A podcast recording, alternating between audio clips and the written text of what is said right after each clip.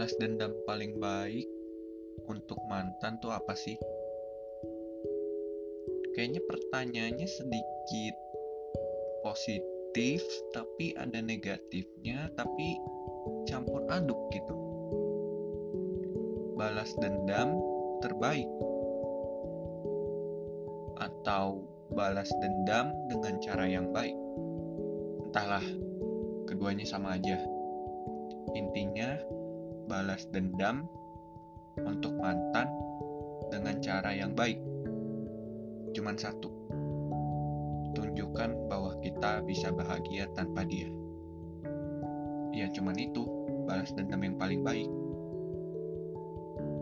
Mungkin masa lalu kamu atau mantan secara frontal kita menyebutnya pernah bilang kamu gak akan bahagia tanpa aku gak akan nemuin cewek nemuin seseorang yang kayak aku. Bukan cewek doang ya bisa aja untuk cowok.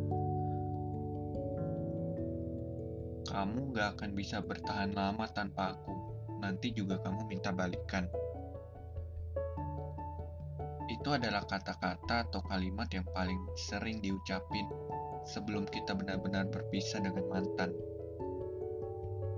Lalu, untuk membalas dendam dengan cara yang baik,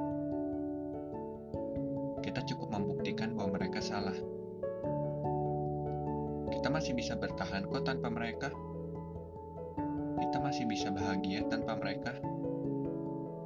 Dan yang terpenting, kita nggak perlu balikan kok sama mereka. Cukup tunjukin kamu bisa bahagia tanpa dia. Dia yang selalu meragukanmu, dia yang selalu mempermainkanmu sejak dulu. Tapi kamu malah memilih bertahan. Cuman karena tadi, kamu takut gak bisa hidup tanpa dia. Ya, sekarang selamat, kamu bisa melawan rasa takut itu. Kamu berhasil hidup tanpa dia dan lihat diri kamu sekarang. Kamu baik-baik aja kan? Kamu gak kekurangan apa pun kan? Meskipun awalnya pasti sedih, menangis, kecewa. Tapi hidup akan selalu berjalan. Gak bisa kamu stuck di, di tempat yang sama. Gak bisa kamu diem terus. Kamu harus bergerak. Dan sekarang kamu sudah bergerak. Nunjukin kita bahagia tanpa mantan itu tidak perlu dengan sosok yang baru waktu ketemu kamu bawa pacar baru terus kamu kenalin. Tidak bukan seperti itu. Dan gak harus selalu seperti itu. Kamu bisa kok lakuin hal positif lainnya yang menunjukkan kalau kamu bahagia tanpa mantan. Kamu bisa lebih dekat dengan keluargamu. Lebih akrab dengan sahabatmu.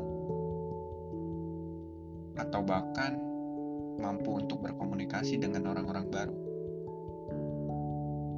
Sekali lagi, bahagia tidak harus selalu menunjukkan bahwa kamu sudah memiliki sosok yang baru.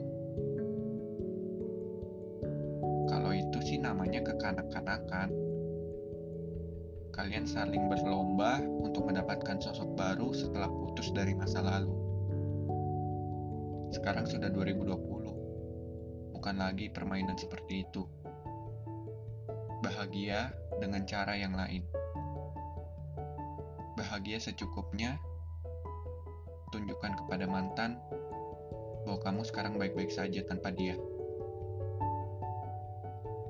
Bukan berarti kalian harus bermusuhan. Sesekali tanya kabarnya.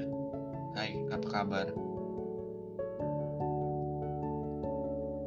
Begitu cara balas dendam terbaik kepada mantan.